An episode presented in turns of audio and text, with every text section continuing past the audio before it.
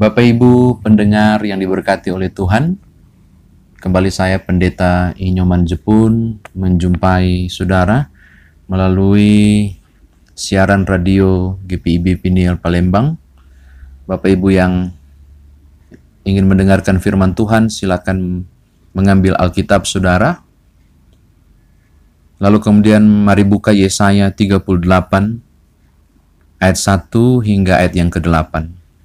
Yesaya 38 ayat 1 hingga ayatnya yang ke-8. Sebelumnya mari kita satu dalam doa, kita berdoa.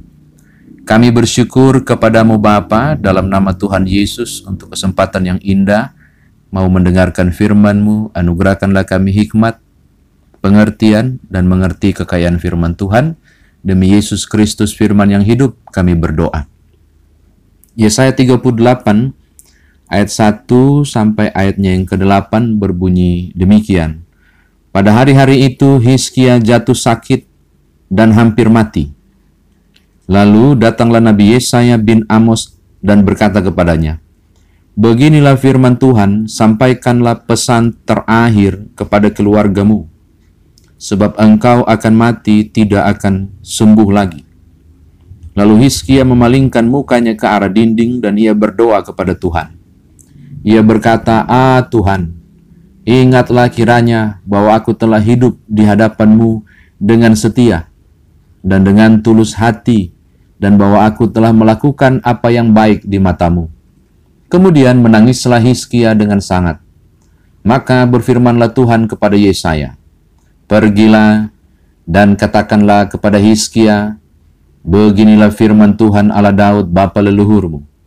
Telah ku dengar doamu dan telah kulihat air matamu, sesungguhnya aku akan memperpanjang hidupmu 15 tahun lagi. Dan aku akan melepaskan engkau dan kota ini dari tangan Raja Asyur, dan aku akan memagari kota ini. Inilah yang akan menjadi tanda bagimu dari Tuhan, bahwa Tuhan akan melakukan apa yang telah dijanjikannya.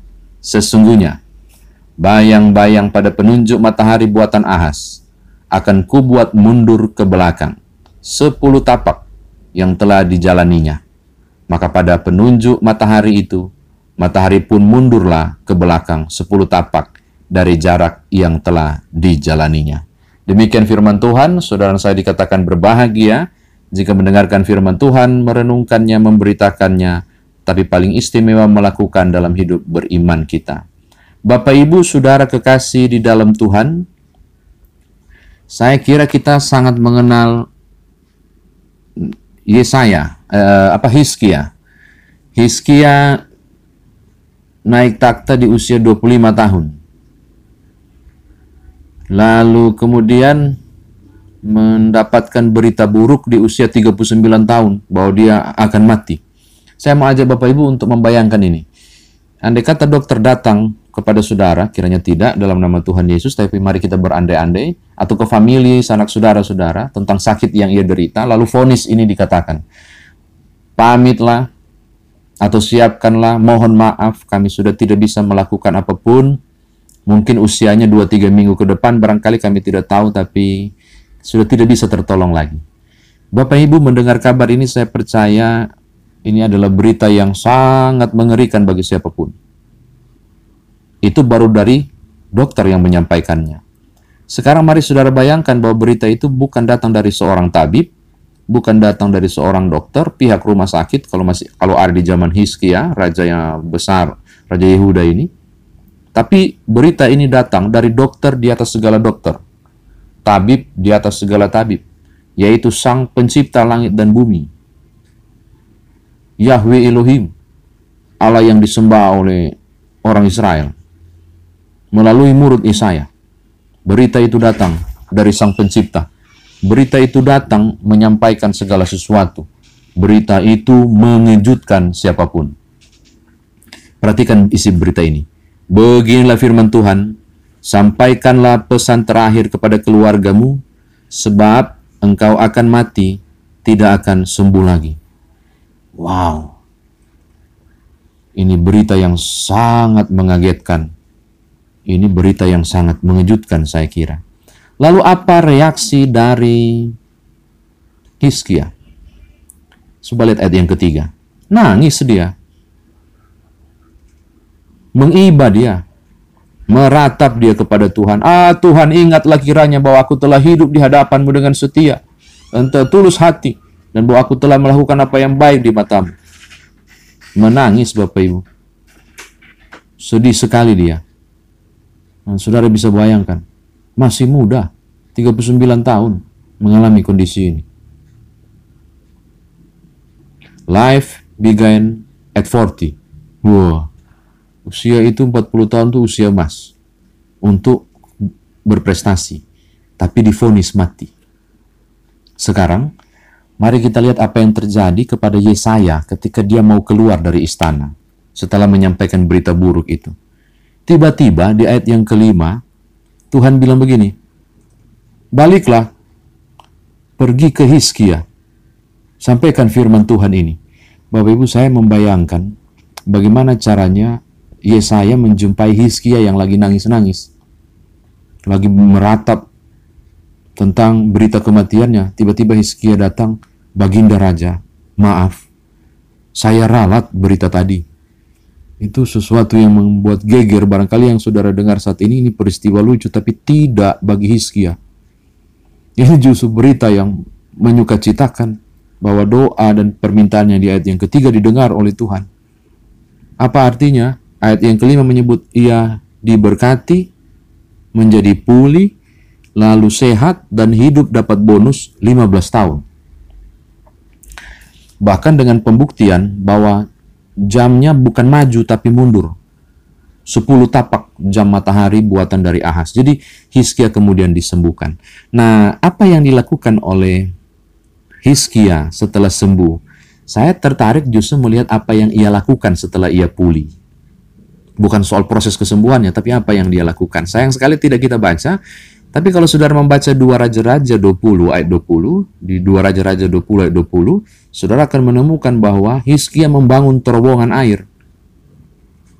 Tahukah Bapak Ibu, ketika dia diberi bonus 15 tahun itu, benar dia beribadah mengucap syukur kepada Allah, benar dia mempersembahkan korban bakaran, benar dia mempersembahkan puji-pujian di ayat 10 itu puji-pujiannya luar biasa. Benar dia menyampaikannya dengan sukacita kepada Tuhan dan bersyukur memuliakan nama Allah, betul. Tapi cara bersyukur yang kedua ada di dua Raja-Raja pasal 20 ayat 20 ketika dia diberi kesempatan untuk hidup. Di dua Raja-Raja 20 ayat 20 dikisahkan bahwa Hizkia membangun terowongan. Dia sedang perang dengan Asyur Bapak Ibu. Pasokan air tidak bisa dapat. Dikepung dia Lalu apa yang dibuat oleh Hizkia? Dia menggali terowongan 533 meter, lebar 1,5 meter dan kedalaman 3,4 meter. Ini terowongan Bapak Ibu, bukan got, bukan saluran air permukaan. Ini dalam tanah dengan kedalaman 3,4 meter. Menggalinya dari mata air Gihon di luar kota. Di mata air Gihon itulah kemudian saudara dia bawa. Dimasukkan ke dalam tanah, air itu dia gali, menumbusi tembok Yerusalem, lalu tembus dan dia tampung di satu tempat. Kolam itu kemudian disebut dengan kolam Siloam. Jadi air tampungan dari mata air Gihon yang cukup jauh itu ditampung di dalam kota. Jadi di luar tembok digali terowongan dengan kedalaman 3,4 meter, 1,5 meter panjangnya, 533 meter panjangnya, lebarnya 1,5 meter, dalam 3,4 meter itu digali terowongannya. Mata airnya disalurkan, salurkan tiba di sebuah tempat dan ditampung di kolam Siloam. 15 tahun dikasih bonus, dia memanfaatkannya dengan banyak hal. Salah satunya adalah dengan menyiapkan air untuk kehidupan orang Israel di sebuah kolam yang namanya kolam Siloam. Tahukah saudara? Lebih dari 700 tahun kemudian, kolam itu di Yohanes pasal 9 ayat 7 dipakai oleh Tuhan Yesus untuk menyembuhkan orang buta yang buta sejak lahir. Basuhlah mukamu di kolam Siloam. Saudara bisa bayangkan, andai kata Hiskia tidak disembuhkan, andai kata Hiskia mati, andai kata Hiskia yang disembuhkan tidak tahu bersyukur, andai kata cara bersyukur dia cuma mempersembahkan korban bakaran tapi tidak berkarya, Maka tidak ada kisah Yohanes pasal 9 ayat 7. Karena tidak pernah dibangun kolam Siloam. Ketika dia diberi kesempatan hidup, dia bersyukur. Dan salah satu cara dia bersyukur adalah mengisi kehidupan yang benar untuk berguna bagi Allah dan kemuliaan Allah, tapi juga berguna bagi masyarakat. Menggali mata air Gihon, disalurkan ke dalam menjadi sebuah kolam yang disebut dengan kolam Siloam. Saya kira demikian firman Tuhan ditafsirkan. Nah sekarang bagaimana saudara dan saya bawa dalam kehidupan beriman kita? Bapak Ibu hidup ini adalah kesempatan demikian sebuah lagu yang sangat terkenal sampai sekarang masih kita nyanyikan. Berapa banyak di antara saudara yang harus saya katakan termasuk saya adalah orang yang beruntung, maaf menggunakan istilah beruntung. Tidak ada tidak ada istilah beruntung semua dalam kamus iman kita. Semua anu, anugerah Tuhan. Saya meminjam istilah sekuler. Berapa banyak di antara kita yang beruntung yang ketika tadi malam, tadi malam, malam hari kita tidur, entah berdoa atau tidak. Lalu tiba-tiba esok hari saudara bisa bangun. Tapi berapa banyak orang yang tidak beruntung, yang tidur tadi malam, yang hari ini tidak bangun, yang sehat tadi malam, lalu kemudian difonis sakit, termasuk dengan kondisi COVID-19. Berapa banyak dari saudara yang kemudian tidak sembuh, beberapa banyak yang kita kenal yang tidak mendapatkan kehidupan lagi. Maka saya mau katakan bahwa bangun pagi tadi pagi atau nanti esok pagi ke depan kalau Tuhan izinkan. Bagi saya itu adalah cara Tuhan memanjangkan usia. Diberi bonus. Hiskia mendapatkan bonus 15 tahun. Saudara mendapatkan bonus hari per hari yang Tuhan anugerahkan. Pertanyaannya, apakah yang saudara dan saya lakukan dan kerjakan ketika hidup masih Tuhan berikan. Bersyukur, saya setuju. Membaca firman, ya saya setuju. Tapi saya mau ajak saudara pada sisi yang lain. Memuliakan Allah penting. Bersyukur kepada Tuhan juga penting. Menyanyi dan mengagungkan namanya juga penting. Tapi, tapi ada syukur yang berikut yang juga luar biasa. Hizkia memanfaatkan hidup bonus itu dengan berkarya bagi Allah dan bagi sesama. Maka saya mau katakan hal yang sama. Ketika saudara masih diberikan kesempatan hidup hari ini, besok, atau lusa, ingatlah itu sebagai anugerah Tuhan, bersyukurlah dengan cara mengisi kehidupan yang benar. Mengisi kehidupan yang bermanfaat. Silakan menggali mata air gihon masing-masing saudara. Salurkanlah dan bentuklah menjadi kolam siloam masing-masing saudara yang berguna bagi orang lain. Secara spesifik, saya kira Bapak Ibu lebih tahu konsep ini Mengucap syukur kepada Tuhan paling tepat adalah bukan saja beribadah, tapi ketika saudara mengisi kehidupan saudara sebagai bonus yang Tuhan berikan, sebagai anugerah Allah, dengan cara berkarya dengan berguna bagi sesama. Hidup yang berkarya adalah hidup yang berguna bagi sesama, adalah hidup yang bersyukur. Di kondisi seperti ini, cara bersyukur lewat berguna bagi sesama saya kira paling sederhana. Berapa banyak hal-hal yang bisa saudara bantu di kondisi COVID-19 pandemi ini dan berdiam di rumah.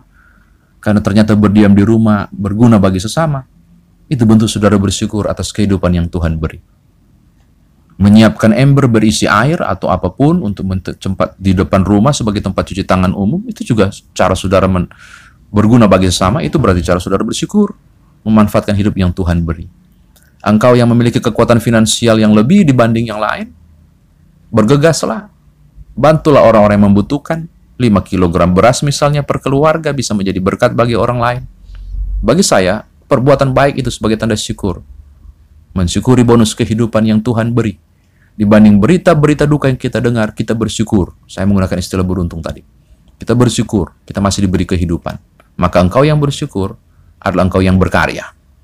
Berguna bagi kemuliaan Allah, tapi juga berguna bagi sesama. Selamat bersyukur untuk bonus kehidupan yang Tuhan beri di hari ini.